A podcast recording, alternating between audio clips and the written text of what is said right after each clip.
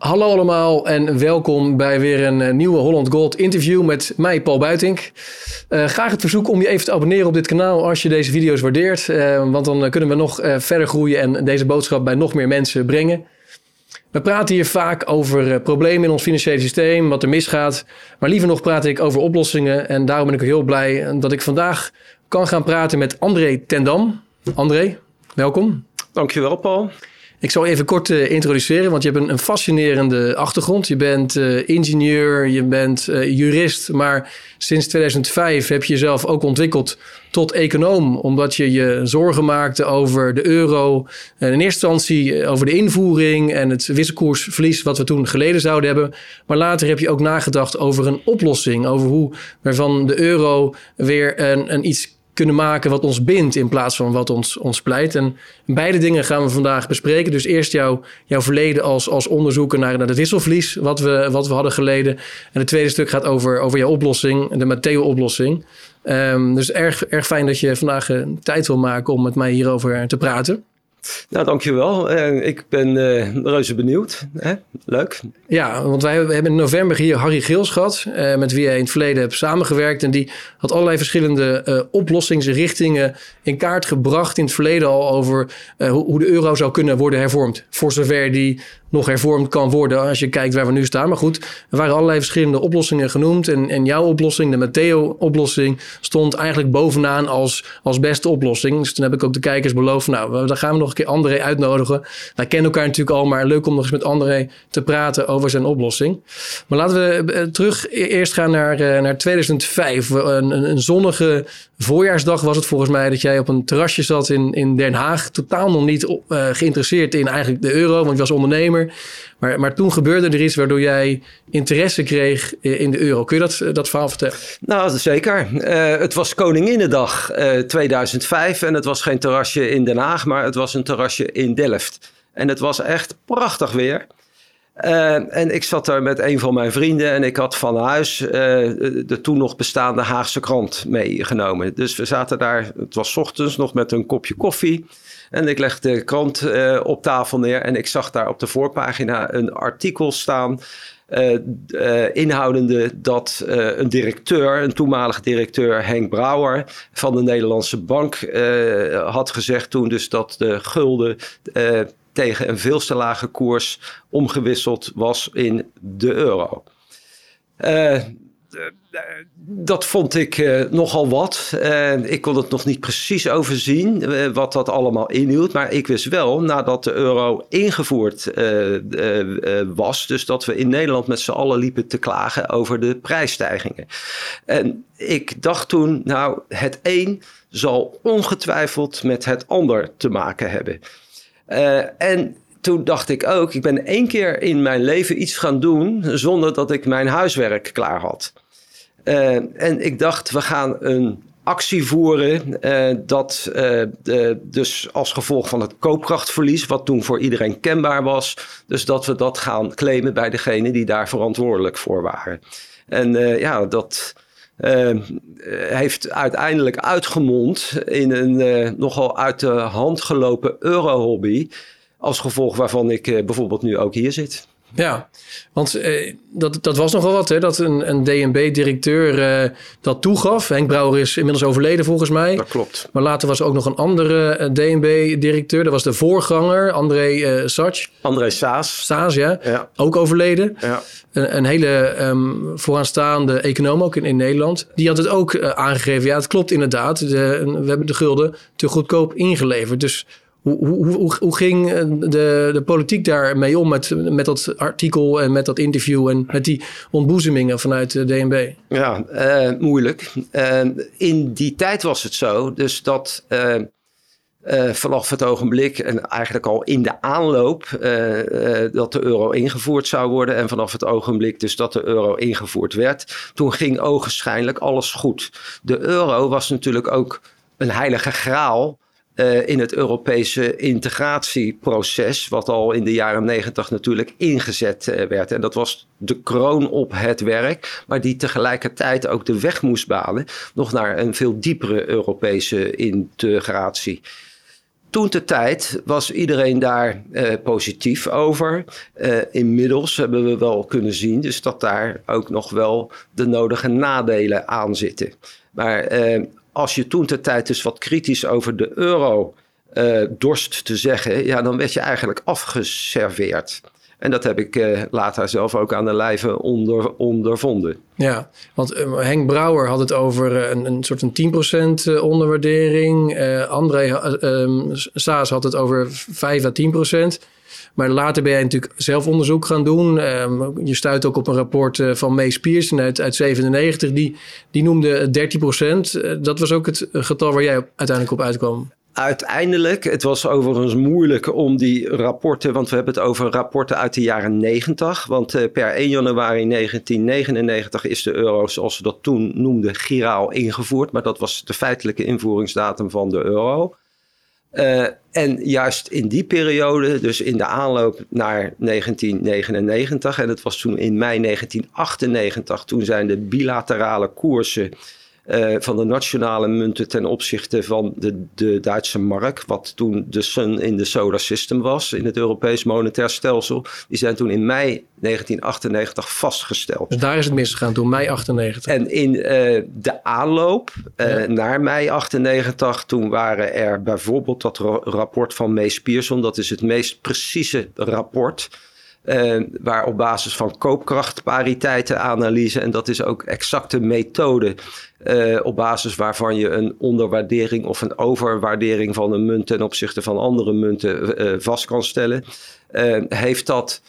Nou, ik zal niet zeggen de publiciteit gehaald, maar in die tijd is dat wel gepubliceerd. En dat rapport, dat heb ik toen later volgens mij van Tom Dame nog eens een keer gekregen. Uh, en Tom Dame is de journalist van het Parool. Toen de tijd die dat interview met Henk Brouwer uh, afgenomen heeft. En waar Henk Brouwer uh, heeft moeten erkennen. Dus dat de gulden inderdaad ondergewaardeerd opgegaan is in de euro. Met alle, alle koopkracht en welvaartsschade structureel voor Nederland en de Nederlanders van die. Ja, daar gaan we zo nog uh, dieper op in. Even dat koopkrachtpariteit, uh, wat je net noemt. Uh, dat, dat gebruik je ook later voor de Matteo-oplossing. Um, kun je dat even toelichten en, en hoe dat werd gebruikt in de jaren negentig... om, om die speelkoers te bepalen van de verschillende nationale munteenheden... ten opzichte van toen de EQ volgens mij en, en later de euro. En, en waarom dat niet goed is toegepast bij de guld op het laatst? Uh, die koopkrachtpariteitenanalyse, dat komt er in het kort op neer. Dus dat ze uh, uh, kijken hoe de productiviteitsontwikkeling in een land is ten opzichte van andere landen. En hoe de, bijvoorbeeld de inflatie en zowel consumentenprijzen als producentenprijzen in een land ten opzichte van andere landen is. En op basis daarvan kan je uitrekenen of uh, of de ene nationale munt ten opzichte van een andere nationale munt overgewaardeerd of ondergewaardeerd is. En met de gulden was dat in de aanloop naar de invoering van de euro het geval. Dat was niet alleen het geval, en dat blijkt ook uit dat rapport van Mees Pierson. Uh, dat was ook het geval uh, bij, de, bij de Ierse nationale munt, het, het Ierse punt. Dat was weliswaar licht, want dat was een procent of twee, drie ondergewaardeerd. En omdat het vanzelfsprekend uh, uh, de insteek was, althans zou moeten zijn, dus dat iedere uh, nationale munt die in de euro op zou gaan tegen een evenwichtige koers in de euro op zou gaan, is het eerste punt voor het vaststellen van de bilaterale koersen, dus feitelijk dus de euro-instapkoersen, is gerevalueerd. Exact conform het percentage wat in het meest Pearson rapport staat. En, uh, maar de Nederlandse gulden niet. En uh, uh, achteraf hebben we, niet alleen ik, maar is er wel vastkomen te staan. Dus dat dat gelegen was in de toenmalige koppeling van de gulden aan de Duitse mark. En de Duitse mark, dat was de kernmunt, dat was de ankermunt in het Europese monetair stelsel. En Duitsland, die had het na de hereniging begin jaren 90, dus Oost- en West-Duitsland had Duitsland het moeilijk. En Nederland, die ontwikkelde zich economisch juist ontzettend sterk. Nederland kwam natuurlijk ook uit een diepe, diepe crisis. Ja, en, na het akkoord van Wassenaar. Exact. En na het akkoord van Wassenaar waar er ook in de economie in Nederland de nodige hervormingen doorgevoerd zijn, werd de gulden gewoon sterker, steeds sterker ten opzichte van de D-mark. Maar om politieke redenen uh, want dan Duitsland zag, gelet op de koppeling gulden-mark, die zag het als gezichtsverlies als juist de gulden ook zou revalueren ten opzichte van de D-mark. Want de gulden zou eigenlijk gelijk moeten zijn aan de D-mark um, voordat de euro werd geïntroduceerd, toch? Eén ehm, op één. Wij hebben in Nederland, dat weten we nog wel, uh, twee gulden 20 uh, en nog een paar decimalen achter de komma betaald voor 1 euro. Maar dat had 1 gulden 94 moeten zijn. Dus wij hebben een kwartje te veel betaald voor de euro. Zo krijgt het kwartje van Kok een hele andere dimensie. Ja, omdat Kok natuurlijk in 1992 verantwoordelijk was voor, uh, ja. voor de invoering van de euro, althans het verdrag van Maastricht. Maar um, uh, dus, dus de gulden had moeten worden uh, gerevalueerd in de jaren 90. Dat is om politieke redenen niet gebeurd. En dat is ook toegegeven door um, iemand van DNB. Of the record, toch? nou, daar is uh, zoveel over, over gezegd. Ik heb, meen ik, ook wel eens de laatste tijd bij jou iemand hier aan tafel gezien. Of het nou Sip Winia of Lex Hoogtuin was, dat ben ik eventjes kwijt. Uh, die dat ook bevestigd heeft. Ja, en we hebben natuurlijk dan um, die oud-directeuren van DNB gehad, Henk Brouwer en, en Harry Saas, die het, of André Saas, die het um, hebben toegegeven. Exact. En we hebben dan de, de verschillende rapporten, niet alleen Mees Piers en ook volgens mij uh, Fortis schreef er wat over. Maar volgens dan de politieke verantwoording, en nog even los van, van, de, van de schade waar we het straks over gaan hebben, maar uh, Gerrit Salm heeft het gewoon keer op keer ontkend. Ja, uh, ik wil, daar zal ik zo wat over zeggen. ik ben in contact gekomen toen ter tijd in 2005 uh, met een uh, hoofdeconoom van een van de vijf grootste financiële instellingen die Nederland toen rijk was. Wie? Uh, hij heeft mij altijd gevraagd om zijn naam niet te noemen. maar hij heeft wel aan mijn onderzoeken meegewerkt. ook als klankbord en als leermeester. In de, maar hij heeft altijd gevraagd zijn naam niet te noemen, want dan zou zijn carrière einde oefening zijn. Die persoon die werkte in de jaren negentig in de aanloop naar de invoering van de euro op het ministerie van Financiën, exact op de afdeling die zich met de voorbereiding van de euro bezighield. En hij vertelde mij, dat, ben ik, dat is bij mij altijd blijven hangen, er werden toen de tijd op het ministerie weddenschappen afgesloten of de, of de gulden wel of niet zou revalueren uh, uh, voor de invoering van de euro. Uh, Waarom niet? Dus dat had een politieke redenen. En waarom wel? Omdat het economisch noodzakelijk was. Ja, want de economie in Nederland was aan het, oververhitten. Exact, exact. En om die oververhitting juist tegen te gaan. En, en die oververhitting die is overigens pas in 1999 echt goed op gang gekomen.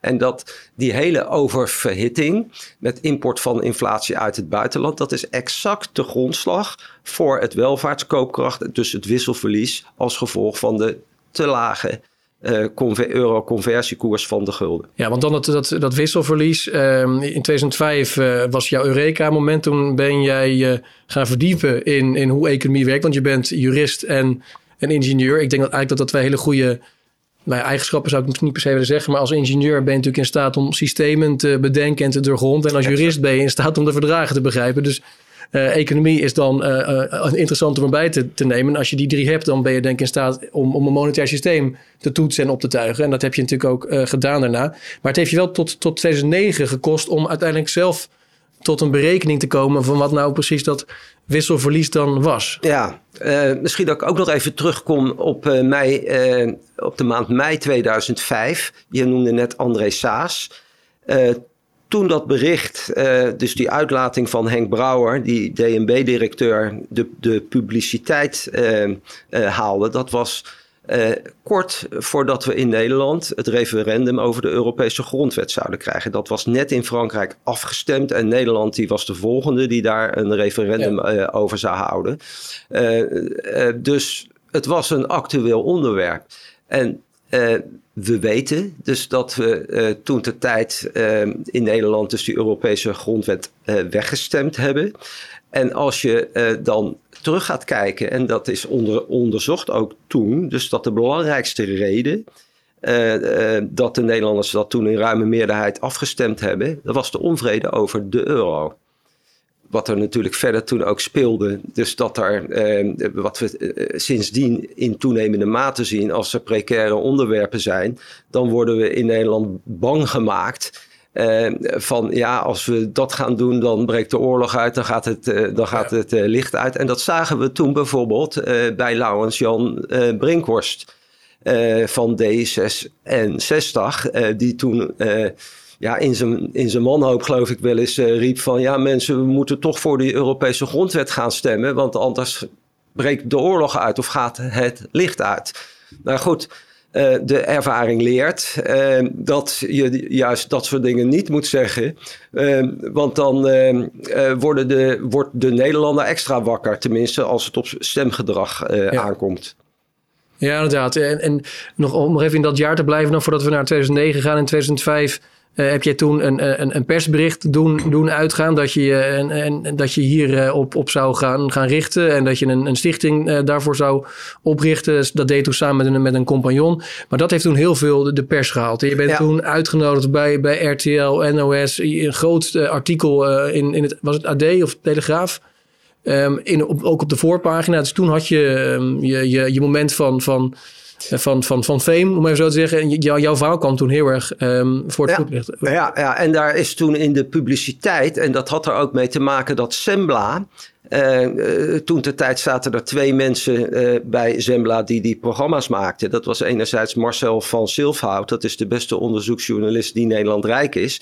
Hij doet tegenwoordig ook andere dingen, of de laatste jaren andere dingen. Maar nu begint hij weer een beetje in gang te komen, wat het onderzoeksjournalistieke werk. En hij heeft toen samen met Dirk Baaiens uh, voor Zembla het, uh, dus de documentaire Eurobedrog gemaakt. Waar Gerrit Salm ook in geïnterviewd werd, waar Arjo Klamer, dat is in mijn optiek uh, Arjo Klamer de grootste econoom die Nederland rijk is de afgelopen 30 jaar. En de grootste criticus in de jaren 90 exact. van de euro samen met Alfred Kleinknecht. Dat klopt, dus dat, dus dat klopt. En waar ja, Arjo Klamer en ook Alfred Kleinknecht in de jaren 90 tegen aangelopen is, omdat ze al voor de invoering van de euro uh, kritiek hadden. Ze hebben uh, haar fijn weten uit te leggen waarom dat europroject nooit goed zou kunnen slagen. En ja, uh, terwijl de gemeente, de gevestigde orde, inclusief de media, een paar uitzonderingen daar gelaten, alleen maar positieve verhalen daarover wilden horen. En daar. Uh, door, doordat zij uh, op basis van hun expertise en op basis van hun inzicht uh, toch de kritische geluiden lieten horen, is de carrière zowel van Arjo Klamer als van Alfred Kleinknecht gewoon naar de kloten geholpen, om het maar te zeggen zoals het is. Ja, ja inderdaad. Want uh, anders had Arjo Klamer volgens mij kans gemaakt op een positie in de SER. En dat is hem ontzegd. Dat heeft hij mij ook een keer verteld voor de camera bij Blackbox. Um, maar dus in die documentaire van, uh, van uh, Zembla, Europedog, daar, daar heeft André Saas volgens mij toegegeven ook inderdaad van... Exact. Nou, dat was toen nogal gevoelig voor de politiek. Want uh, nadat dat bericht van Henk Brouwer bij de GPD-bladen op de voorpagina kwam, uh, toen was minister, uh, of toen was Gerrit Salm weer minister van Financiën. Dat was zijn tweede termijn. en die is vervolgens het glashard gaan ontkennen. En uh, toen kwam die uitzending van Zembla. En toen hebben ze, uh, heeft Marcel uh, André Saas benaderd. En die heeft het vervolgens in de uitzending van Zembla. Dat was ook in mei, twee, eind mei 2005. Die heeft bevestigd dus dat de gulden ondergewaardeerd is opgegaan in de euro. En dus dat dat voor Nederland en de Nederlanders een aanzienlijk welvaartsverlies met zich heeft meegebracht. En van Silva, de documentairemaker, heeft jou wel eens gezegd van dit was de, de gevoeligste uitzending die hij ooit gemaakt heeft voor Zembla, toch? Er was heel veel druk vanuit Den Haag volgens mij om die, uitzending niet door te laten gaan. Ja, ja wat je toen ter tijd ook zag, dus dat... Uh, dat heb ik na de hand ook wel bevestigd gekregen uh, door diverse bronnen. Dus dat Gerrit Salm in zijn wanhoop het CPB zover gekregen heeft om een een of ander vaag rapportje op te stellen. Dus dat er met die invoerings eh, of die ehm, eh, euro-conversiekoers van de gulden niks uh, miskwam. en ik ben dat na de hand, dat rapportje van het CPB nog wel eens gaan aan. Na, het is flinterdun, hè? het is flinterdun. er wordt een rookgordijn opgeworpen, maar men weigert tot de kern van de zaak in te gaan. Dat is hetgene wat mij, ja, dat is inmiddels ook al bijna twintig jaar geleden, maar wat mij daar nog nu van bijstaat. Ja, ik heb het toevallig vanmorgen nog even gelezen. En het is inderdaad uh, uh, vrij dun. Het zegt dan van als er al sprake was van een, een onderwaardering, dan nog is er nog maar de vraag of er schade is. Dat is eigenlijk een, een beetje een tweetrapsraket. We, eerst moet je constateren, is er überhaupt sprake van onderwaardering? Dan twee, als er al sprake van zou zijn, zo wordt er ook gesproken, dan kun je natuurlijk nog afvragen hoe groot die schade is. Daar, daar gaan we het zo over hebben. Ik zou Overigens graag Gerrit Salmeke interviewen. Uh, maar volgens mij hangen het ABN AMRO witwasonderzoek... waar hij volgens mij verdacht is... Uh, zal hij zich denk ik uh, in de lul houden. Sowieso lijkt het me heel sterk als hij hier gaat zitten. Alwel, Hans, Hoge, Hans Hogevorst... Die, exact. Dus je weet het nooit, hè? Ja. Je weet nooit. Maar um, dus, dus jij was echt van plan volgens mij met je stichting... om ook uh, je hebt het onderzoek gedaan wat in 2009 uitkwam, maar je wilde ook uh, gewoon schade Ja. Je wilde herstelbetalingen. Ja, exact. Uh, excuses. Dat, de, de, nou, um, excuses niet eens. maar wat ik zelf vond, ik merkte dat, maar ik was natuurlijk niet de enige die merkte. dus dat alles zoveel duurder geworden werd na de invoering van de euro. En dat proces, dat is al aangevangen voor 2002.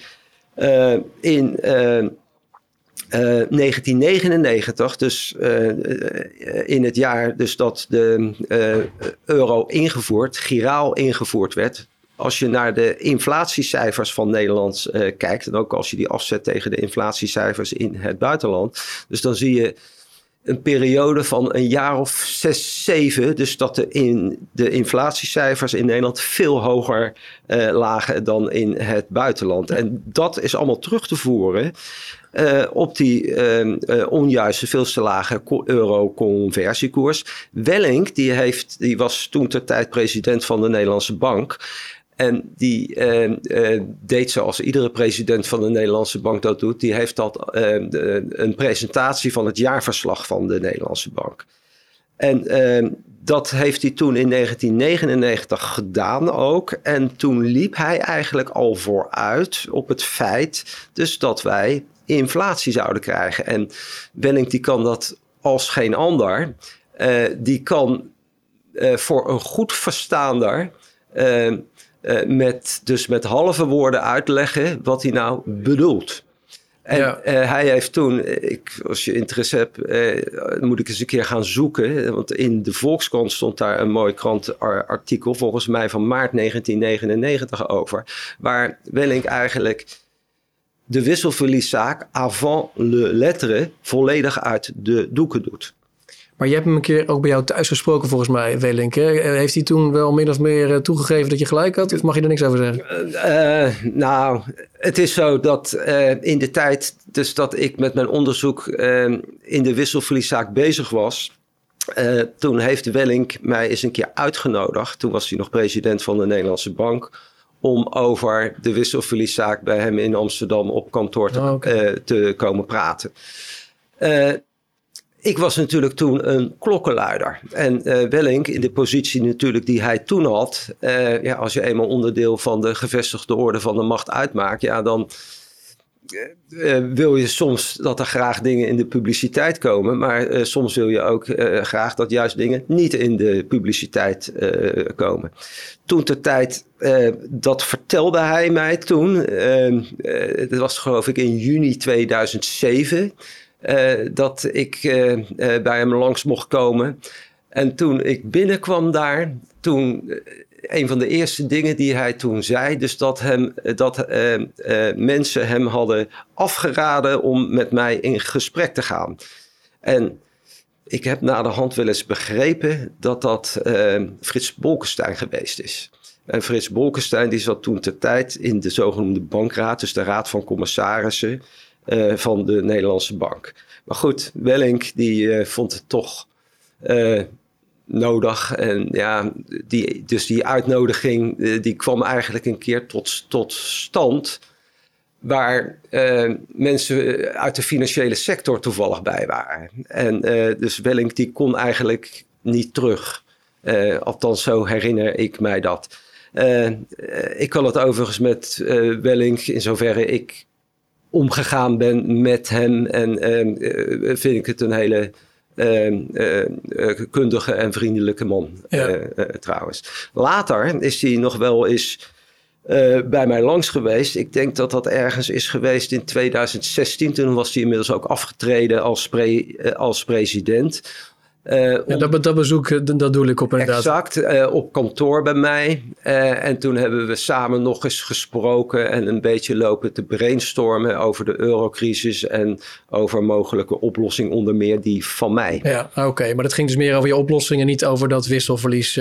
Nou, toen Welling bij mij binnenkwam, toen was hij een beetje terughoudend, want hij wilde eerst mij een beetje uitpeilen, merkte ik. Hè of ik eh, nou nog steeds in de klokkenluidersrol zat, of dat ik inmiddels in een wat andere rol zat. Hè? Dus als een constructieve meedenker om het europrobleem. Ja, als een monetaire ingenieur eh, exact, eigenlijk. Oké. Nou, we gaan bijna dat, dat eerste onderwerp afronden, maar ik, ik vind het zo fascinerend. Uh, nog een paar, paar vragen erover. Um, ehm, 2009 kwam je met dat uh, onderzoek naar buiten. Um, en wat was jouw berekening van de schade die we als Nederland hebben geleden door het te goedkoop inwisselen van de gulden? Ehm, dat liep toen al uh, in de honderden miljarden euro's. Ja, dat is niet te bevatten natuurlijk. Uh, nu, uh, of eigenlijk vanaf 2010 dat de eurocrisis uitgebroken is... Hè, uh, met het coronafonds, om eens een uh, voorbeeld te noemen, dan zijn we inmiddels gewend aan bedragen van 100 of van 1000 miljard euro. Nou, dat werd nooit bij mij. Maar, maar toen want ik weet nog goed, dus dat ik een keer een, een, journaliste van het Algemeen Dagblad bij mij over de vloer had. Dat was toen ook ergens in uh, eh, 2007. Dus toen was ik min of meer aan het afronden. Uh, wat betreft dat onderzoek. En toen kwam ik inderdaad op geldbedragen uit. Dus de schade. En dat, waren, uh, dat was het saldo van de positieve effecten en de negatieve effecten. Want er zaten ook bijvoorbeeld positieve effecten aan de uh, te lage euro-conversiekoers, bijvoorbeeld voor de export. Voor export en werkgelegenheid voor exporterende bedrijven. Ja, ja, en, en, en uh, ik heb dat toen ges, gesaldeerd. En dan kwam ik op een schadepost, ja, ik uh, heb dat niet meer op mijn, op mijn netvlies zitten, maar dat, dat ging toen geloof ik al gauw over 300 tot 400 miljard. En die mevrouw uh, van het Algemeen Dagblad, die zat me toen met glazige ogen aan te kijken, omdat dat soort bedragen toen helemaal niet over tafel rolden. Dus uh, dat was ongrijpbaar en uh, misschien ook daardoor on ongeloofwaardig. Ja, dat, daar, dat kan me zo voorstellen. Ja, want het is bijna in die tijd ongeveer het bedrag van de Nederlandse economie. Exact. nou ja, dat was nog wel ietsje hoger toen. Maar goed, dat wisselverlies, eh, dat heeft zich vanaf 1999 in stapjes, dus uh, net zo lang totdat het effect uh, van de onderwaardering van de gulden uitgewerkt was. Hè, dus na de totale, eigenlijk dus nadat de bovenmatige inflatie in Nederland, dat was dus als gevolg van de te lage omwisselkoers, dat dat uitgewerkt was. En ik zeg even uit mijn hoofd, dat heeft geloof ik tot en met 2005 of 2006 geduurd. En dat kan je gewoon uh, aan de inflatiecijfers zien. Nou, ik heb die inflatie hier voor me te vallen. In 1999 was het 2%, in 2000 was het 2,6%. 2001 was het 4,16, dat was dan de piek. Ja, dat, dat, zijn hele kleine bedragen ten opzichte van wat we momenteel natuurlijk ervaren. Maar in 2002 was het 2,74 en 2003 1,69. Maar dat was dus substantieel hoger dan... Uh, um... mij staat bij die inflatiecijfers uh, die er toen waren. Ik weet niet naar welke inflatiecijfers jij precies bent gaan, ben gaan kijken. Die lagen toen aanzienlijk hoger. Mij staat bij dus dat er toen een aantal jaren met ruim 5% in, in, okay. in, in inflatie waren. Maar goed, uh, op het ogenblik dus dat de gulden, dat moet ik misschien wel eventjes toelichten. Want dat wisselverlies, dus de schade, dat gaat eigenlijk twee kanten op. Op het ogenblik dus dat de gulden niet gerevalueerd uh, werd, zoals gebeurde. hebben wij dus als gevolg van die bovenmatige inflatie koopkracht en welvaartsschade gehad. Maar als de gulden wel gerevalueerd geworden zou zijn, dan hadden we juist een welvaartssprong gemaakt. Want dan zouden alle importen uit het buitenland, alles wat we in Nederland kopen waar een import uit het buitenland factor aan zit, zouden voor ons goedkoper geworden zijn. Dus het gat dus dat daartussen zit, dat is het wisselverlies. Ja, en dan in het CPB-rapport wordt dan gezegd... ja, maar uiteindelijk uh, gaat dat dan natuurlijk de kosten van je export... en dat leidt dan weer tot werkloosheid. En, uh, maar goed, dat, dat, dat is eigenlijk nou, een discussie... wat je dan eigenlijk zou willen hebben, wetenschappelijk gezien. Want jij komt dan met een paper 2009... maar er is daarna in tegenstelling tot 2005 was heel veel aandacht voor jouw uh, persoon, voor jouw werk, voor die claim die je ging voorbereiden. In 2009 kwam jouw rapport uit. Samen met Harry Geels had je dat uh, geschreven. Ik heb dat inderdaad, uh, de, de naam van mij en van Harry Geels stond erop. Maar ehm, eh, er waren toen uh, nog andere economen, onder meer twee hoofdeconomen van de grootste financiële instellingen die ons land toen rijk was, die hebben meegewerkt. Ja, maar die wilden niet genoemd worden. Dat, nee, vind, dat nee. vind, ik getuige van een enorme lafheid. nou, uh, ik begrijp Voor een reputatie, ja, maar dat is iedere keer wat je hoort. Van ja, om een nou, reputatie te beschermen kan ik... Je, nee, maar, je hebt toch uh, ook te denken aan, aan je kinderen en kleinkinderen en het exact. land. Uh, maar goed, dat, dat, dat waren mensen die gewoon hele goede posities hadden. En in die tijd was dat nu eenmaal zo. Op het ogenblik dus dat je iets zei, uh, iets kritisch zei over de euro. Dat heeft Arjo Klamer meegemaakt. Dan is het gewoon met je carrière einde oefening. Dat werd je toen niet in dank afgenomen. Toen Nout Welling in 2016 of 2017 bij mij was, toen maakte ik de opmerking tegen hem. Uh, en het is eigenlijk een beetje gaan kantelen uh, na het uitbreken van de eurocrisis in 2010. Toen mocht je ja. wel eens wat kritisch over de euro zeggen. Ja, dat was, dat was natuurlijk logisch, want die hele euro stortte in. Zo de eerste tien jaar was het eigenlijk niet, niet uh, mogelijk, maar na die eurocrisis kan je er, zoals wij nu ook, kun je er beter over praten. Exact, exact. En toen nou het Welling bij me was, toen, toen maakte ik de opmerking, uh, precies wat ik nu tegen je zelf zei, dus dat je uh, na 2010 wel eens wat realistisch uh, en, en, dus kritisch over de euro kon zeggen. Maar voor die tijd niet. En als je dat voor die tijd uh, deed, toen, toen, zei ik tegen Welling, dan werd je gewoon standrechtelijk geëxecuteerd, bij wijze van uh, spreken. Nou, toen ik dat tegen Welling zei, toen moest hij lachen en toen zei hij, ja, dat klopt. Om heel erg denken aan, uh, aan Hester Bice. Uh, die hebben we hier ook in de studio gehad. Die heeft net als jij ook dat monomane om heel erg jezelf in te verdiepen. En jezelf bijna te offeren uh, qua tijd en geld. Om, om iets tot, tot de bodem te begrijpen. En dan uiteindelijk kom je, stuit je dan op een, op een muur van, van, van blokkades en, en, en netwerkcorruptie. Zoals zij dat dan noemt. Waarbij iedereen elkaar beschermt en handen boven het hoofd houdt. En mensen willen niet met naam genoemd worden. En een beetje diezelfde dynamiek die ik bij jou proef. Die, nou ja, dat is iets. Jij zegt dat net dus dat dat jou stoort. Dat stoort natuurlijk mij ook mateloos. Uh, we hebben natuurlijk bij het uitbreken van de Griekse crisis. Uh, begin 2010 eigenlijk, dat begon al in december 2009. Ja.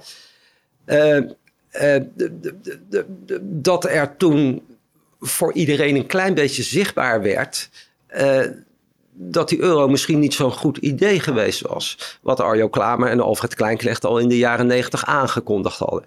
Uh, en wat ik overigens met Harry Geel samen uh, in het onderzoeksrapport, uh, wat dus uit 2009 kwam, dus voordat de eurocrisis uitkwam, hebben we dat ook opgeschreven. We hebben ons toen uitsluitend gericht op de onjuiste euroconversiekoers van de gulden en de schade als gevolg daarvan. Maar in de, in, in de inleiding hebben we dit aspect uh, expliciet genoemd. Ja, inderdaad, ja. En, uh, uh, maar goed, je moet je voorstellen, vanaf 1999...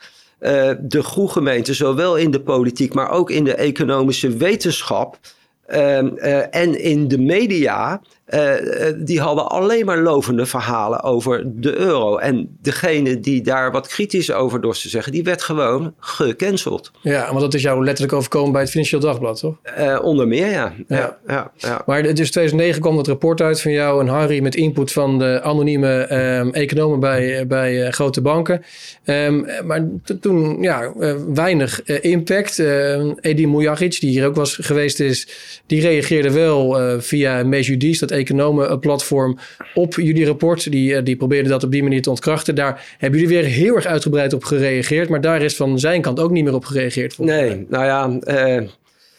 Ik vind Eden een uh, kundig uh, monetair econoom. Uh, overigens een van de beste die in Nederland rijk is. Zeker. Ehm, ehm, alleen hij heeft met mij ook moeite, merk ik altijd. En dat is inderdaad terug te voeren tot de publicatie van het rapport van de wisselverlieszaak. Hij was toen de tijd de protégé van Sylvester Eifinger in Tilburg.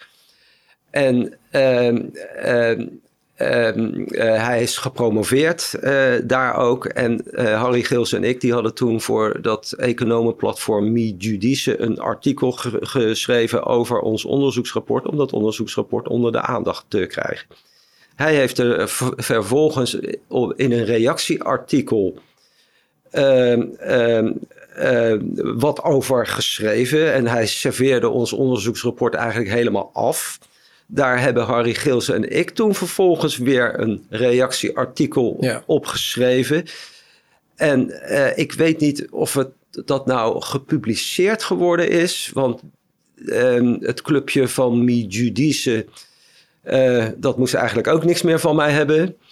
Uh, maar ik heb dat toen in ieder geval, mijn re reactie op zijn kritiek heb ik gedeeld met Edin. En dan heb ik het inderdaad over september 2009. Uh, ik heb hem toen eens een keer opgebeld en hij zou bij mij binnen twee weken erop terugkomen. Nou, dat gebeurde niet. Dan heb ik hem nog eens een keer opgebeld en daarna nog, nog eens een keer. Nou, we leven inmiddels in 2023 en hij heeft daar nog steeds niet op gereageerd. Maar goed, dat... maar goed, maar dat uh, was in ieder geval, hij reageerde wel in eerste instantie op jullie, uh, jullie onderzoek. Maar de rest was, het waren binnen de Nederlandse academische wereld waren er nog andere economen die eh, er iets mee deden? Of... Nou, uh, Arjo Klamer, uh, vanzelfsprekend. Alfred Kleinknecht, ja, die was eigenlijk al een beetje buiten beeld geraakt. Uh, later heb ik ook een, wel eens gesproken met Harry Verbond, toevallig ook uit Tilburg. En ja, dat is ook wel iemand die zegt wat hij vindt. En, maar goed, eh, dat is inmiddels 13 jaar eh, terug. Toen was ik uitgenodigd op de Erasmus Universiteit om een lezing over uh, die wisselverlieszaak te geven. In 2005 stonden de journalisten, terwijl ik eigenlijk amper wist wat, waar ik het, waar ik het het uh, over had. Maar in 2005, in mei 2005, stonden de, de journalisten bij mij op kantoor buiten in rijen van drie opgesteld. Of ze alsjeblieft even met mij zouden mogen praten. Ja. Uh, toen ik vervolgens in 2009 mijn huiswerk klaar had. Uh, toen heb ik diezelfde journalisten heb ik allemaal benaderd om eens een keer naar dat rapport te gaan kijken. Dat deden ze niet. toen had ik begin 2010 had ik een presentatie, was ik op de Erasmus Universiteit uitgenodigd uh, uh, om daarover een lezing te geven. Toen heb ik ze nog persoonlijk opgebeld, allemaal. En geen interesse. nou ja, op het ogenblik dus dat je een aantal jaren van je leven vrijmaakte om het grootste financiële schandaal wat zich in Nederland afgespeeld heeft, om dat boven water te brengen. En dat heb ik gedaan. En vervolgens is er van de vaderlandse media geen in, interesse in, dan raak je misschien een beetje gefrustreerd. En dan zeg je soms wel eens dingen die uh, uh, misschien niet zo handig zijn om een uh, goede verhouding in de toekomst verder te... Heb je journalist uitgescholden of zo? Ja, ja, ja. En dat ging dus met name Ehm, ehm, over een tweetal journalisten die bij het Financiële Dagblad uh, werkten. Ja. En die eh, eh, geen interesse hadden, terwijl hun ehm, portefeuille bij het FD de euro was. En ja. ja. dus nou heb ik klip en klaar gezegd dat het een stelletje klootzakken waren. Ja, soms moet je de waarheid niet zeggen misschien. Nee, ja, dat is, uh, ik kan me voorstellen dat je in je frustratie dat zegt. Of dat handig is, dat is dan tweede. Um, Oké, okay, um, maar ik, ik heb dit ook, dit gesprek heb ik aangekondigd op Twitter. En uh, Matthijs Bouwman, natuurlijk de, de huiseconoom van NPO, niet de minste. Uh, die overigens ook uh, richting de kijkers 6 februari neem ik een gesprek op met Matthijs Bouwman. Hartstikke leuk. Dus ik ben blij dat hij uh, hier aanschrijft. Maar die, die viel gelijk over me van ja, waarom ga je dat oprakelen? Want dat is toch al lang ontkracht. lees mijn boek. Um, wat weet je daarvan, van, van zijn kritiek? Of, of is, zijn er andere um, debunks geweest, um, weerleggingen die ik niet gezien heb of die jij niet, niet gezien hebt? Of? Nou, ik ken het boek van Matthijs Bouwman niet. Ik meen dat Matthijs Bouwman uh, ook een verleden bij de ECB heeft. Dat weet ik niet helemaal zeker, maar daar heeft hij geloof ik wel eens een functie gehad of zo. maar goed, Matthijs Bouwman, dat is natuurlijk een exponent van de gevestigde pro-euro club.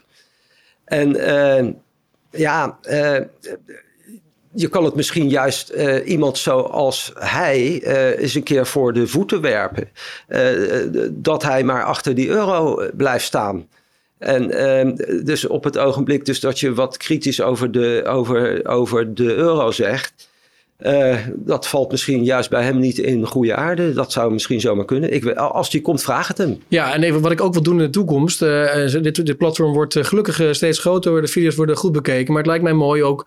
Want ik ben uiteindelijk ook maar natuurlijk een, een, een leek die, die er toevallig veel over gelezen heeft. Maar om ook meer debatten te organiseren. Dus als ik dan jou bijvoorbeeld uh, in gesprek kan, kan, kan laten zijn met, met een Matthijs Bouwman over dit thema of zo, dat, dat lijkt mij fantastisch. Nou ja, uh, wat je hier nu zegt, dat is.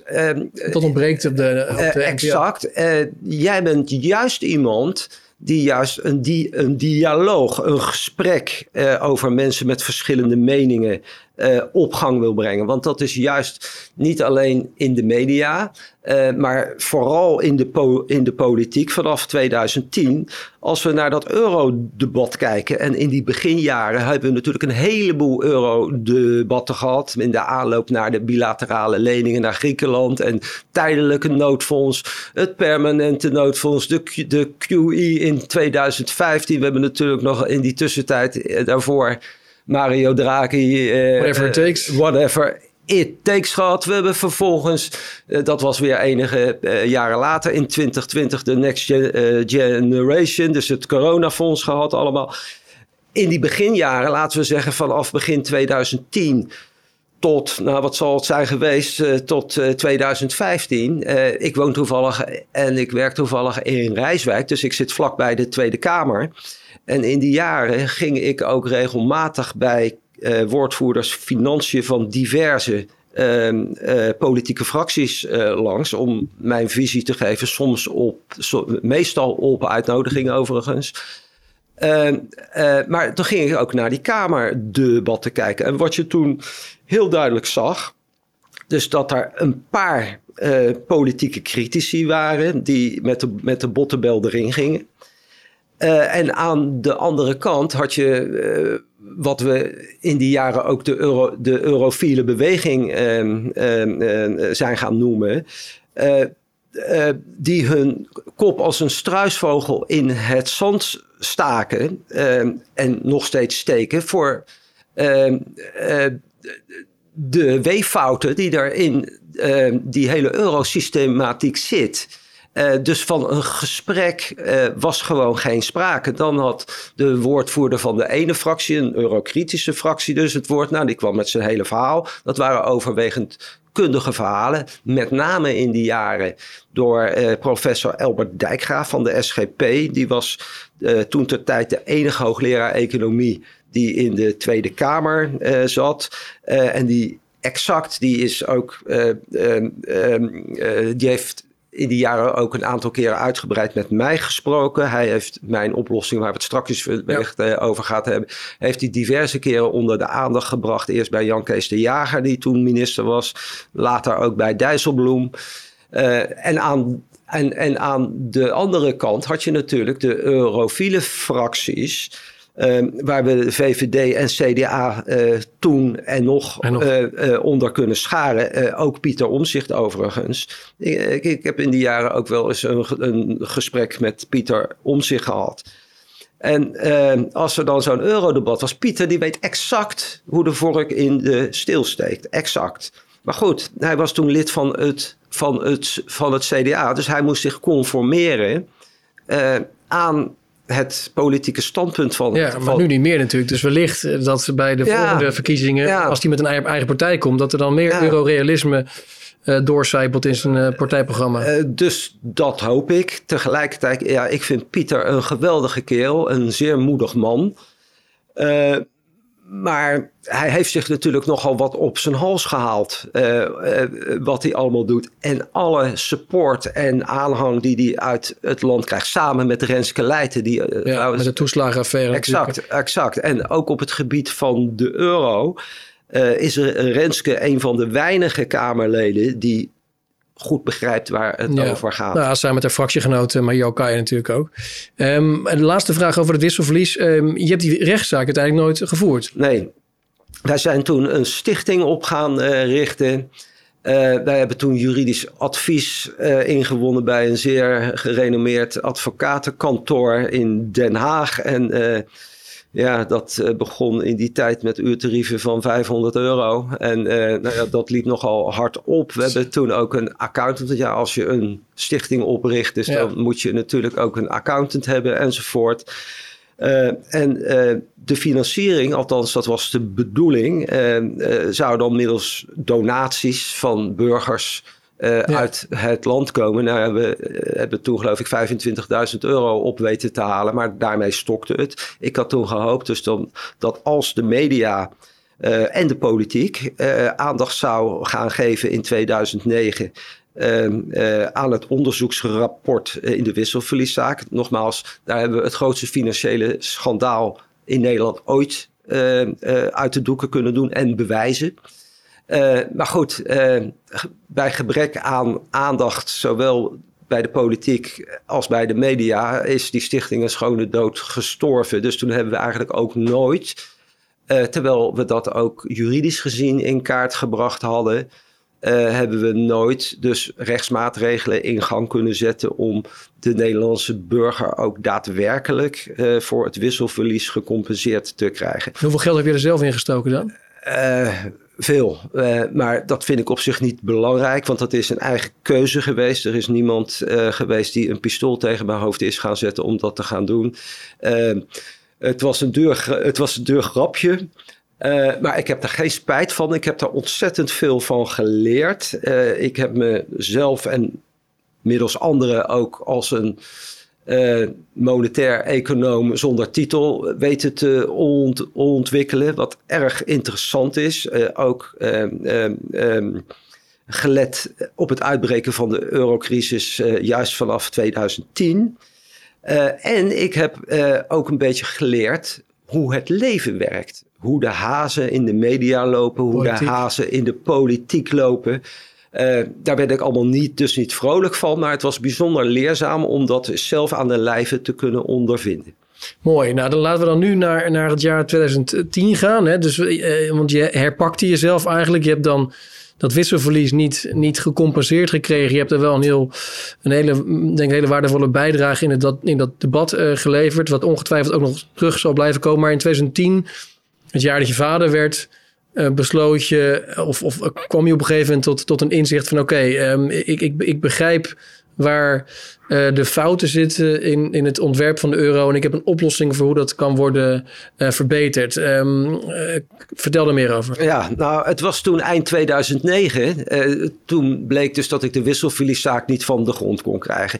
Ik was toen met mezelf eigenlijk de afspraak gaan maken van... Nou, nou, goed André, het is leuk geweest allemaal... maar we gaan nu maar weer eens een keer aan het werk. Want, Rood op de plank. Exact, met mevrouw ten Dam zit een beetje te zeuren. Exact, exact. En... uh, maar goed, uh, alsof de duvel ermee speelde, uh, brak begin 2010 dus die eurocrisis uit. En terwijl de Europese politieke nationale leiders ook in shock lagen van wat gebeurt er nu, was de eerste gedachte die, mij, die bij mij opkwam toen, dat dat nog zo lang heeft moeten duren. Dat die euro pleuris uitbrak. Uh, en ja, dan kruipt toch het bloed waar het niet gaan kan. Uh, dus uh, mijn zoontje is op 8 februari, Matteo, 8 februari 2010 geboren. En in de aanloop daarnaar, daar naartoe, ja, je bent zelf ook vader, dus dan weet je hoe dat allemaal gaat. En na de geboorte, dan weet je ook hoe dat allemaal gaat. Maar goed, in die tussentijd, als ik ochtends op kantoor kwam, ik had toen een abonnementje op de Wall Street Journal en uh, op de Financial Times en in Duitsland het Duitse Handelsblad. En dat waren toch de kranten die uh, uh, actueel publiceerden over de eurocrisis die zich toen aan het ontwikkelen was. Was toen altijd wel frappant. Dus dat berichten die je bijvoorbeeld in die buitenlandse kranten las, dat het geloof ik zes weken duurde voordat je dat in de Nederlandse kranten uh, uh, las. Uh, en nou ja, goed, toen was het ergens, denk ik, eind februari, begin maart. Toen dacht ik van, nou ja, toen begon je al wat verhalen te horen. Dus dat de euro opgedeeld zou moeten worden in een Noord- en een Zuid-euro. Of dus dat we weer gewoon terug naar een monetair stelsel op basis van nationale munten in Europa terug zouden moeten komen.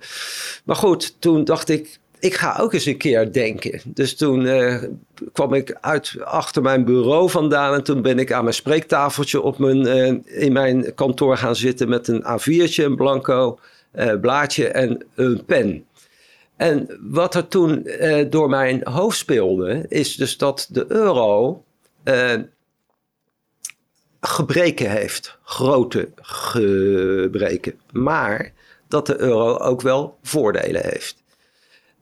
Tegelijkertijd wist ik dus dat het noodzakelijk is, was en is, dus dat we weer naar een systeem van wisselkoersen op welke manier dan ook zouden moeten gaan. Maar dat, is, dat heeft Nout Welling mij ook wel eens een keer uitgelegd voordat de euro ingevoerd werd. Uh, dan had je binnen dat um, Europees monetaire stelsel vaak het probleem van valutaspeculatie. Uh, en dat heb je natuurlijk als er diverse munten in een en hetzelfde monetaire stelsel uh, functioneerden. Dus wat ik eigenlijk wilde doen, is uh, de voordelen van de euro en de voordelen van een systeem op basis van nationale munten met elkaar te combineren. Terwijl tegelijkertijd de nadelen van beide systemen geëlimineerd zouden worden. Dat is de gedachte die toen in mijn hoofd opkwam.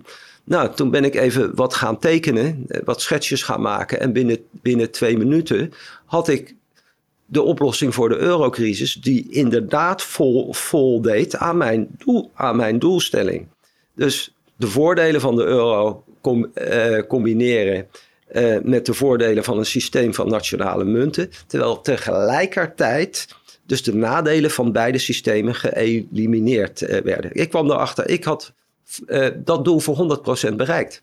Hoe, en hoe had je dat bereikt? Vertel me meer over, over de oplossing. Ja, wat ik toen ben gaan doen, achteraf kwam ik erachter dat ik de monetaire situatie tussen 1999 en 2002 uh, eh, voor de spiegel was gaan zetten.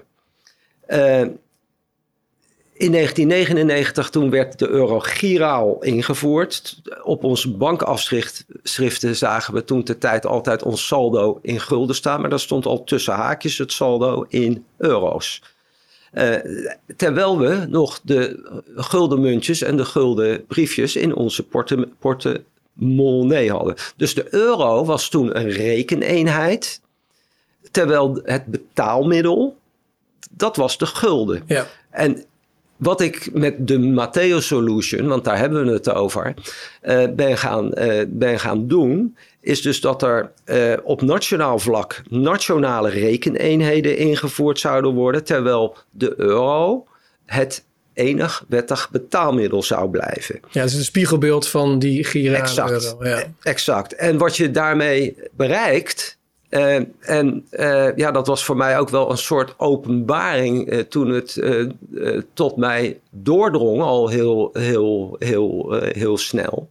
Is dus dat je de nadelen van de euro elimineert. de nadelen van een systeem op basis van nationale munten, dus de nadelen zoals valuta-speculatie, dat elimineer je ook, omdat de euro het enig wettig betaalmiddel blijft. En ja, het is eigenlijk heel, heel simpel en het is eigenlijk zeer merkwaardig dat dat systeem niet ergens in 2012 al ingevoerd geworden is. Kun je het wat concreter maken voor mij als burger? Of, of laten we een, eh, een Griekse burger nemen. In jouw uh, oplossing heb je dan de euro als enig betaalmiddel. En je hebt dan per land nationale rekeneenheden. Laten we dat dan bijvoorbeeld in het geval van Griekenland noemen de Griekse euro ten opzichte van de euro. Um, hoe, wat, wat, eh, merkt de Griek van zo'n oplossing? Of wat, wat zijn de consequenties voor het, uh, als je die, die, oplossing invoert? Vertel ook een beetje hoe die invoering zou werken. En hoe zou dat dan um, zijn beslag hebben uh, op een lokale economie, bijvoorbeeld in Griekenland? doordat je dus de, be, de betaalfunctie van de rekeneenheidfunctie van een valuta met, met elkaar scheidt uh, dan is het zo dus dat je het gezochte wisselkoersstelsel, dus niet op basis van valuta optuigt, maar op basis van die nationale rekeneenheden. En op, het, uh, op dat ogenblik kan een rekeneenheid ten opzichte van het, van het anker, dat, en het anker kan de rekeneenheid van het uh, sterkste euroland zijn, maar het kan ook een gewogen gemiddelde zijn, zoals we met de European Currency Unit voor de euro gehad hebben. Uh, maar dan kan je dus devalueren en revalueren onderling tussen eurolanden wanneer dat nodig is. Nou ja, dat was toen nodig en dat is natuurlijk nu nog steeds nodig. Uh, en dan kan je dat op een hele eenvoudige manier. Als we het doen, kan je het op een hele eenvoudige manier doen. Op het ogenblik, dus dat we bijvoorbeeld Griekenland, wat toen speelde, als voorbeeld nemen.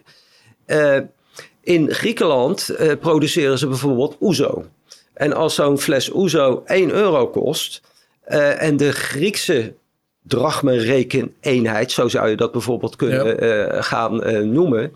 Uh, die devalueert met 20% ten opzichte van het monetaire anker. Dan kost die ehm, fles Oezo geen 1 euro meer, maar 80 cent. En het de hele gedachte uit een, uh, uh, de hele gedachte achter een monetaire devaluatie is juist zo dat als je munt te duur is, dus dat je weer concurrerend kan worden middels ehm, devaluatie van je munt. En in mijn systeem hebben we geen munten meer op nationaal vlak, maar uitsluitend rekeneenheden. Maar je bereikt precies hetzelfde. Ja, maar dus uh, om dat uh, te realiseren heb je een, een, een moment nodig. Uh, ik, ik, waarschijnlijk weer een keer een weekend of zo. Want dat is meestal wanneer de ingrijpende beslissing wordt genomen. Maar dan zou er in een weekend moeten worden besloten om in, in de verschillende landen te devalueren of te revalueren ten opzichte van uh, de euro dan. Dus dat, dus dat klopt, ja. Dus er ja. zou eigenlijk een soort uh, herschikking moeten komen van de onderlinge wisselkoersen en dan op basis van de rekeneenheden de onderlinge wisselkoersen van de diverse eurolanden. En dan zou je dus bijvoorbeeld een gewogen gemiddelde van die waardes als het anker uh, uh, nemen. En dat is natuurlijk de euro, uh, die zowel een rekeneenheid als ankerrekeneenheid als het betaalmiddel dan heeft. Ja, en laten we dan het voorbeeld van Griekenland weer nemen. Dan is het zo dat in dat weekend alle prijzen en lonen bijvoorbeeld dan met 20% worden verlaagd. Ja, Um, ten opzichte van de euro. Ten opzichte van de euro, ja. En in Nederland zouden, zouden onze uh, prijzen en uh, inkomens, alles uh, omhoog gaan bijvoorbeeld. Exact. Ja. Dus, en dus meer koopkracht voor exact, de Nederlander. Exact. D dan zou Nederland, net zo overigens als in de aanloop naar de invoering van de euro wat betreft de onjuiste wisselkoers, als de Nederlandse rekeneenheid nu gerevalueerd zou worden ten opzichte van de euro, zouden wij een grote koopkracht en een grote welvaarts, uh, welvaartssprong maken. Ja. En uh, in deze tijd vind ik het verbazingwekkend dat ik de media daar niet over hoor. Ze hebben het over inflatie en of dat nou alleen door de Oekraïne-oorlog uh, kwam, of dat het toch, zoals voor iedereen die daar een beetje verstand van heeft, al duidelijk is. Dus dat de inflatie al in de zomer van 2021 op begon te lopen. Door het expansieve monetaire beleid jarenlang maar printen, printen ja. bij de ECB. Maar daar is niemand in de politiek ook niet, niemand die zijn mond open doet van jongens hoe zit het nou eigenlijk met een evenwichtige wisselkoers voor Nederland van de euro? Ja. En, uh, afgelopen uh, najaar, of afgelopen zomer, hebben geloof ik een dieptepunt bereikt. Dus dat de euro eh, zelfs minder waard was dan de, dan de Amerikaanse dollar. Nou ja, we hebben het over energieprijzen. Gelukkig op de markt zakt dat weer een klein beetje. Maar de mensen zitten de afgelopen maanden in de kou omdat ze dat niet betalen kunnen. Uh, en die energieprijzen worden in Amerikaanse dollars afgerekend en doorberekend aan jou en aan mij en aan iedere overige Nederlander. Terwijl de evenwichtskoers van de euro voor Nederland, nou, dat zal denk ik ergens op 1,50 dollar liggen. En ik hoor daar niemand over. Nee, want jij bent ook al jaren niet in de media geweest volgens mij. Uh, nee, maar ik word nooit uitgenodigd, Paul. Daar uh, gaat verandering in worden gebracht na dit gesprek, hoop ik voor je, André. Want ik ik vind het uh, waanzinnig interessant wat je allemaal doet. Maar um, nog even teruggekomen op die, die uh, rekeneenheden.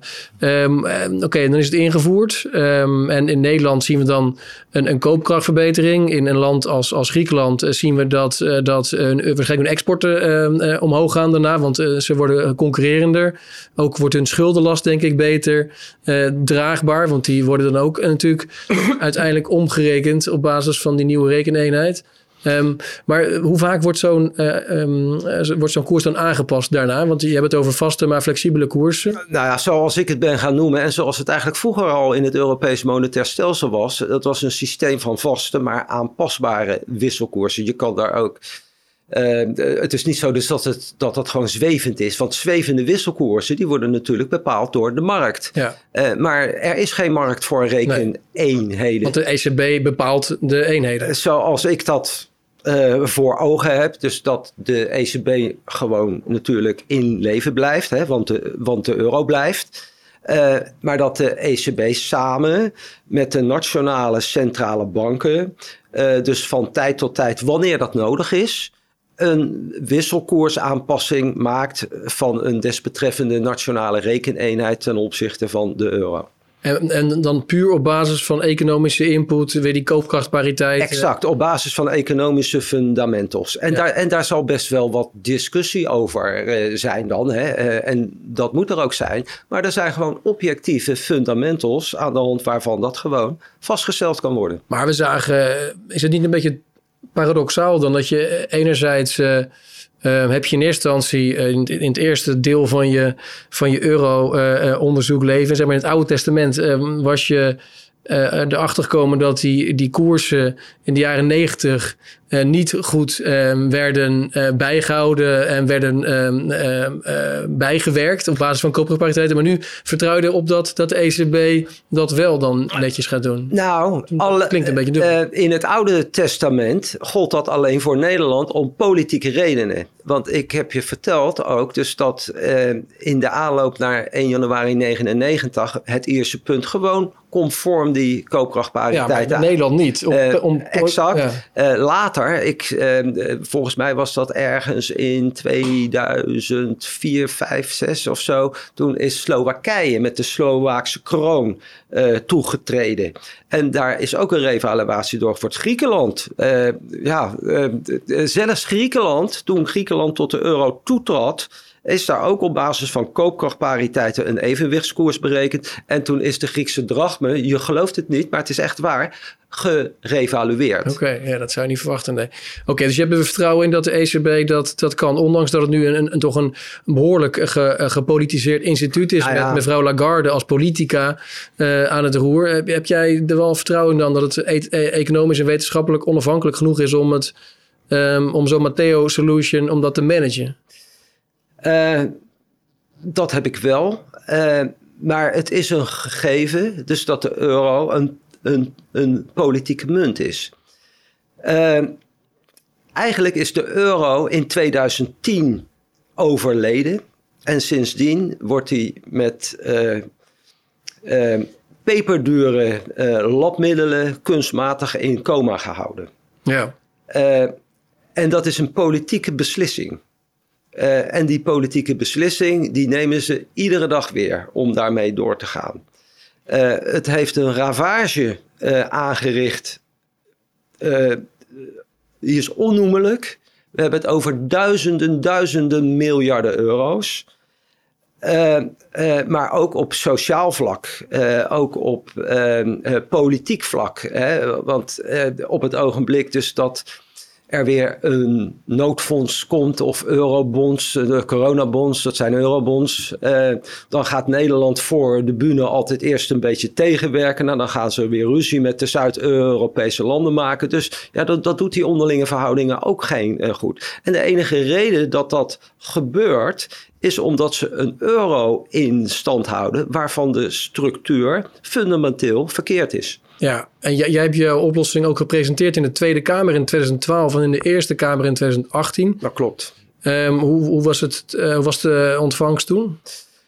Um, nou, de ontvangst is in principe goed, maar uh, een, dia een dialoog in de politiek vindt gewoon niet plaats. En op het ogenblik, en dat is, ik meen in de Tweede Kamer één keer, één keer gebeurd. Dus dat er een deskundige bijeenkomst over de toekomst van de EMU en de euro gehouden werd. En ook in de Tweede Kamer. Ik ben toen voor beide uh, gelegenheden uitgenodigd. Uh, ja, je zit daar je verhaal te doen, maar uh, de Kamerleden die hebben toch door coalitiedwang hun standpunt en dat verandert gewoon niet. Ja, kijk, je, hebt natuurlijk twee kampen momenteel. Je hebt de, de Nexit hardliners, uh, Forum, PVV.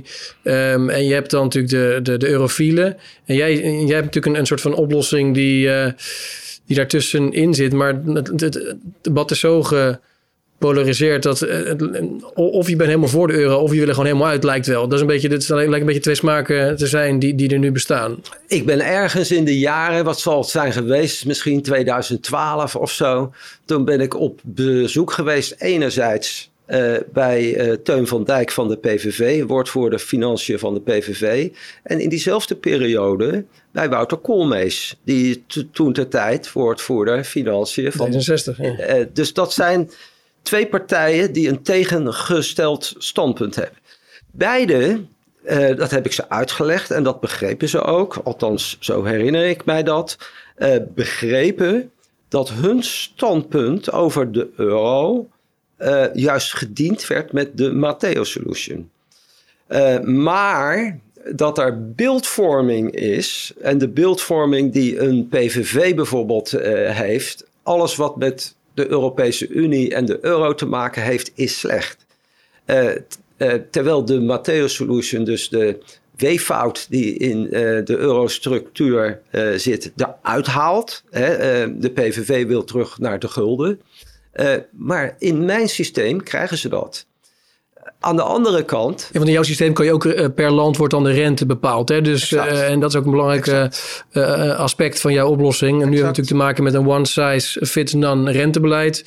in jouw situatie wordt er per land straks de rente bepaald. Exact, want als je dus naar de rekeneenheidfunctie van geld kijkt, dat is, is de basis zowel voor een wisselkoersstelsel als de basis voor rentedifferentiatie. Ja, oké, maar, eh, maar dus je hebt heel veel off-the-record support ja, maar, van... Maar dan zal ik mijn, mijn verhaal nog even ja. afmaken. Dus uh, kom ik met mijn goede gedrag binnen daar... bij de PVV en bij D66. En uh, ze wisten alle twee wel waar het over ging. En ze zagen alle twee wel dus de meerwaarde van het systeem wat ik gepresenteerd had.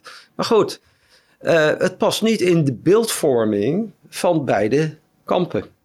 Ja, en ze hebben natuurlijk een, een, een achterban om te bedienen. En, en, die wil een bepaald geluid horen. Ja, en dat is natuurlijk exact. een beetje wat er mis is met de Nederlandse politiek. Mensen staan niet echt open ja. voor andere meningen. Omdat dus, ze bang zijn kiezers kwijt te raken. Dus de politieke ideologie is veel belangrijker in hun ogen dan het algemeen belang. Ja. Want, jij bent wat dat betreft politiek neutraal. Je hebt je niet geaffilieerd met, nee. met een partij, je praat met iedereen. Ja. Maar dus op de achtergrond, in de achterkamertjes, uh, off the record, is er support vanuit um, uh, bankiers, van centrale bankiers, politici. Um, ja, media wat minder, want die noem je klootzakken. Dat is dan uh, dat is even een ander verhaal. Maar er is eigenlijk best wel veel support voor jouw um, oplossing. Echter, we zitten nu hier in 2023. Het is er niet. Maar wa waarom, waarom uiteindelijk wordt het dan niet verder besproken? Is dat inderdaad die, die, die politieke kleur waar mensen zich achter verschuilen of, speelt er nog meer? Nou ja, ik denk dat, er, eh, dat het zo is ten eerste dus dat de politiek beslist. En ja, Nederland speelt een bijrol in het Europese gesprek, denk ik. En het is voor iedereen duidelijk, iedereen weet dat wel, dus dat in de Europese Unie en wat betreft uh, de europroblematiek. Het zijn Duitsland en Frankrijk die de koers bepalen. Ja, maar in Duitsland was er juist heel veel uh, ja, lof. Met name Hans-Werner Sin, niet de minste. die um, was een van jouw grotere supporters in die jaren. Ja, nou, het was op zich wel interessant. toen ik mijn monetaire constructie voor Europa en ook voor de euro dus uitgedacht had toen dacht ik, nou ja, ik zal niet de eerste in de wereld zijn die dit uh, bedenkt. Uh, maar goed, ik had het toen begin 2010 druk. Uh, en ik uh, kwam er toen in de zomer van 2010 eigenlijk pas aan toe. toen kwamen ook onderzoekspapers los uh, om eens een keer het internet op te gaan duiken. En met name in, in Duitsland uh, kwam er veel los. In Engeland, geen euroland, maar daar kwam ook ontzettend veel los. En in de Verenigde Staten ook. En ik was in de overtuiging dus dat ik in die papers uh, wel ook uh, een constructie, uh, een monetaire constructie zou vinden, gelijk als ik bedacht had. Maar tot mijn verbazing zag ik dat niet. Nou, dat, dat was voor mij aanleiding om het eens een keer in het Engels op te gaan schrijven en uh, het op internet te zetten. Nou, dat ben ik toen in het najaar van 2010 gaan doen. En toen werd ik uh, in 2011, uh, eh, dat was een jaartje later, werd, kreeg ik een mailtje van een zekere Hans Werner Sin.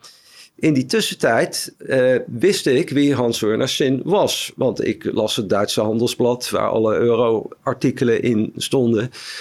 op economisch vlak was Hans Werner, Hans Werner Sin God daar. Uh, zo simpel. Hij was de belangrijkste economische adviseur van de regering toen de tijd van Angela Merkel, totdat de eurocrisis uitbrak. Want Hans-Werner Zinn vertelde Angela Merkel een ander verhaal dan dat ze in haar eurofiele ideologie wilde horen. Dus ik heb wel eens begrepen dat het min of meer slaande ruzie was. Uh, Hans-Werner Zinn werd in ieder geval gecanceld door uh, Angela Merkel.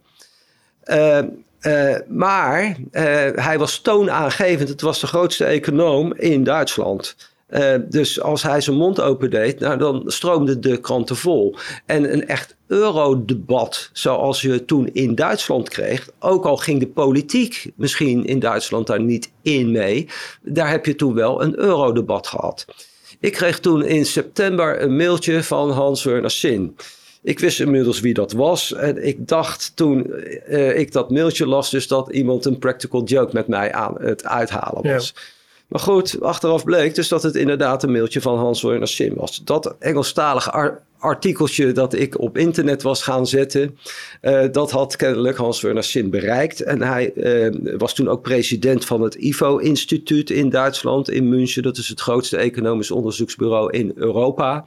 En hij wilde een themanummer maken over uh, parallelwereld, zoals ze in Duitsland zeggen parallele munten, parallel currencies. En hij had mij uitgenodigd om daar een, een bijdrage aan te gaan leveren. Uh, dat ben ik toen gaan doen. En uh, uh, het gebeurt zelden tot nooit. Dus dat er een Nederlandse econoom uh, uitgenodigd wordt om voor Ivo een artikeltje te gaan schrijven. Laat staan dat er een Nederlandse ju jurist. Ja, want je was natuurlijk niet echt een econoom, je was een outsider. Uh, ja. Een Nederlandse jurist en ingenieur voor dat economische uitgaven uitgenodigd wordt. Dat was natuurlijk nog nooit gebeurd. Maar goed.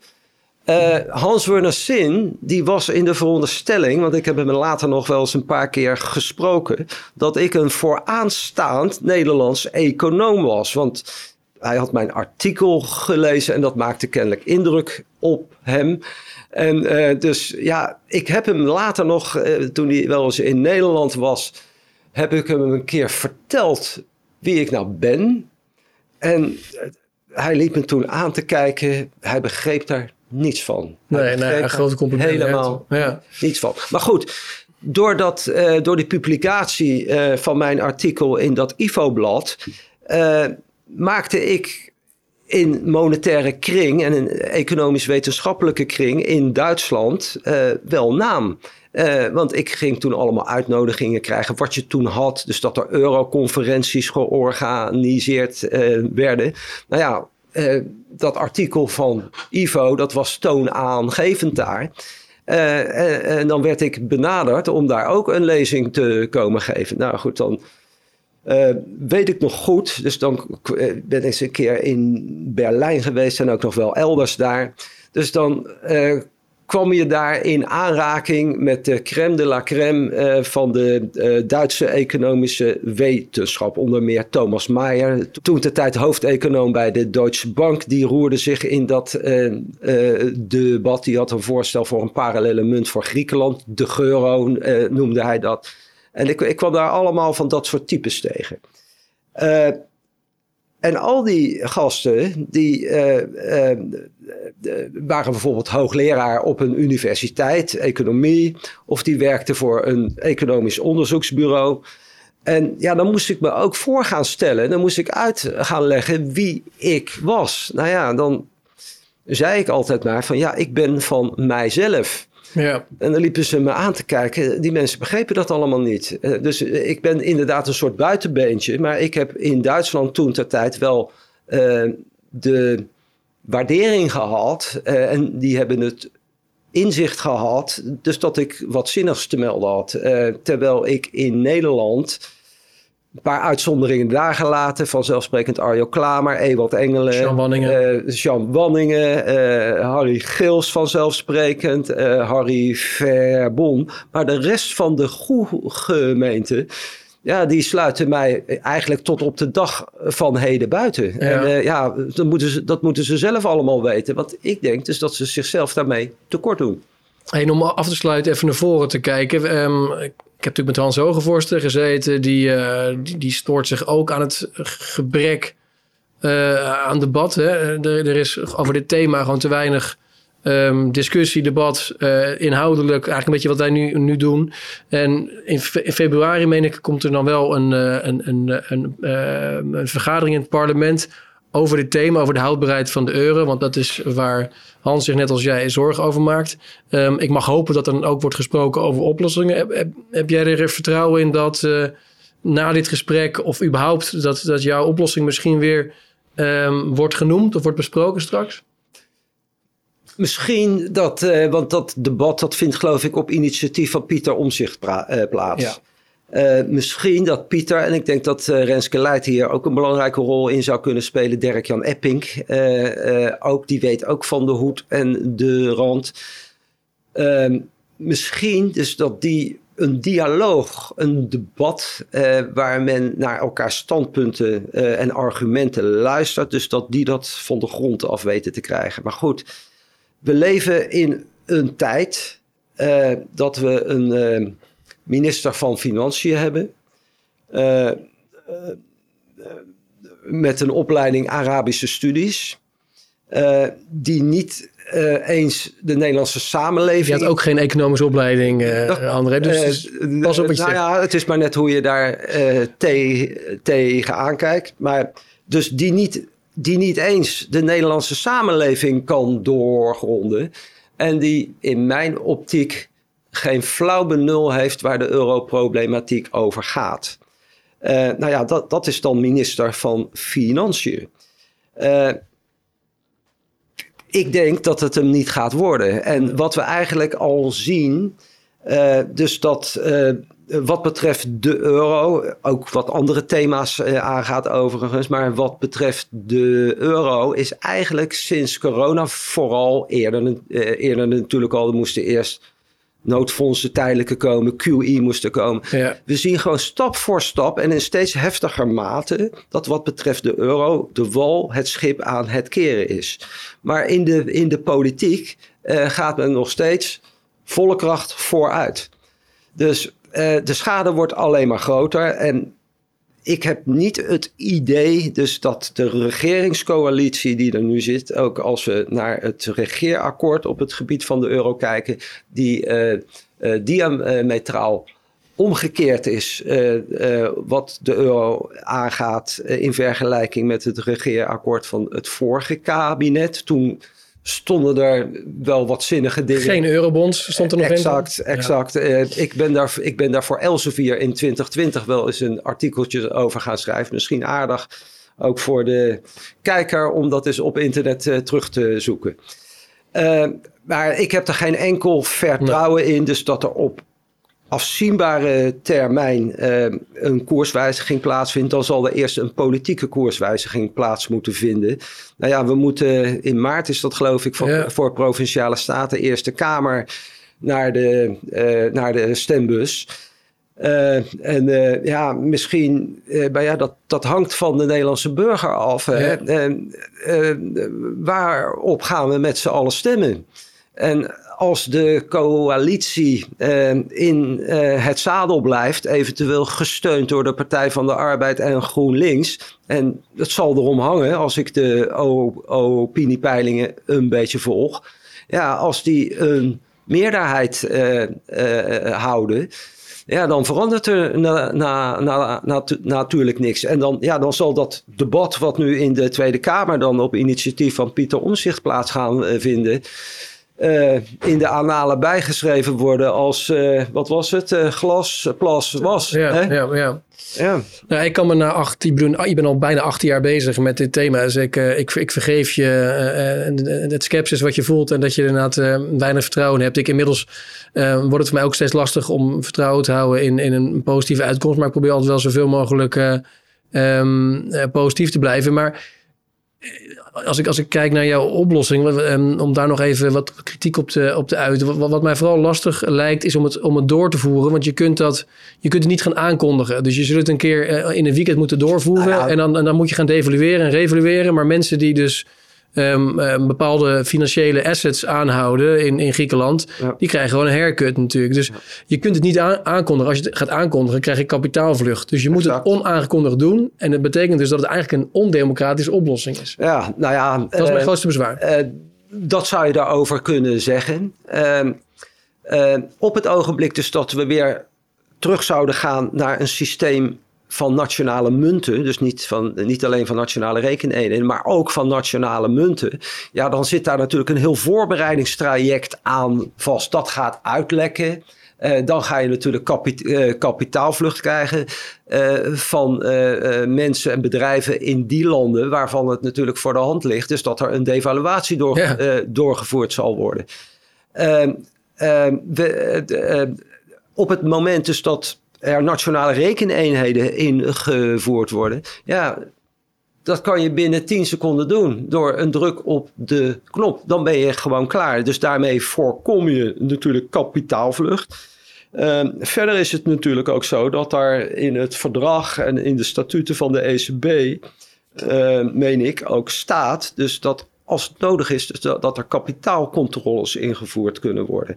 En uh, dat is ook daadwerkelijk gebeurd in de Cypriotische uh, crisis. Want die hebben we natuurlijk ook gehad. Ja, maar ook in Griekenland. Je mocht niet meer dan 50 euro per dag exact, binnen. Exact, exact. En, uh, maar of dat, hoe dat nou met girale overboekingen naar het buitenland zat. Ja. Uh, dus dat weet ik niet. Maar in ieder geval wel. Dus dat je maar een beperkt bedrag per dag mocht pinnen. Maar goed, dus het systeem van kapitaal uh, of de mogelijkheid van kapitaalcontroles, dat is gewoon aanwezig. Uh, uh, en ja, de Matthäus Solution, ja, met een druk op de knop voer je het in. Het enige wat er veranderd zou moeten worden, dat, zijn, dat, dat, dat is een computerprogrammaatje wat de ECB eventjes over de financiële sector uit moet strooien. Ja, maar je moet het wel invoeren zonder dat je daar het volk over informeert. Vind je dat niet, vind je dat dan niet um, een probleem dat het uh, democratisch tekortschiet? Uh, nou ja, zo is de, uh, de euro ook ingevoerd. Ja, maar daar heb je kritiek op. nou... Ja, voor de euro is in de Eerste Kamer is niet gestemd voor de invoering van de euro. Dat zeggen ze ja. en, maar wat ik wil zeggen, die euro die is ingevoerd zonder dus dat het voor de Europese burger duidelijk was wat dat nou precies betekende. Want we kregen alleen maar lofverhalen te horen. Ik weet nog goed, dat kan je in die uitzending uh, Eurobedrog van Zembla ook zien. Dus dat uh, Gerrit Salm op 1, of op 1 januari 2002 was dat zoekende is naar een pinautomaat na uh, oudjaarsavond 12 uur Ja. om eh, euro's voor het eerst te gaan pinnen. Nou ja, ze zijn nog steeds bezig met die zoektocht.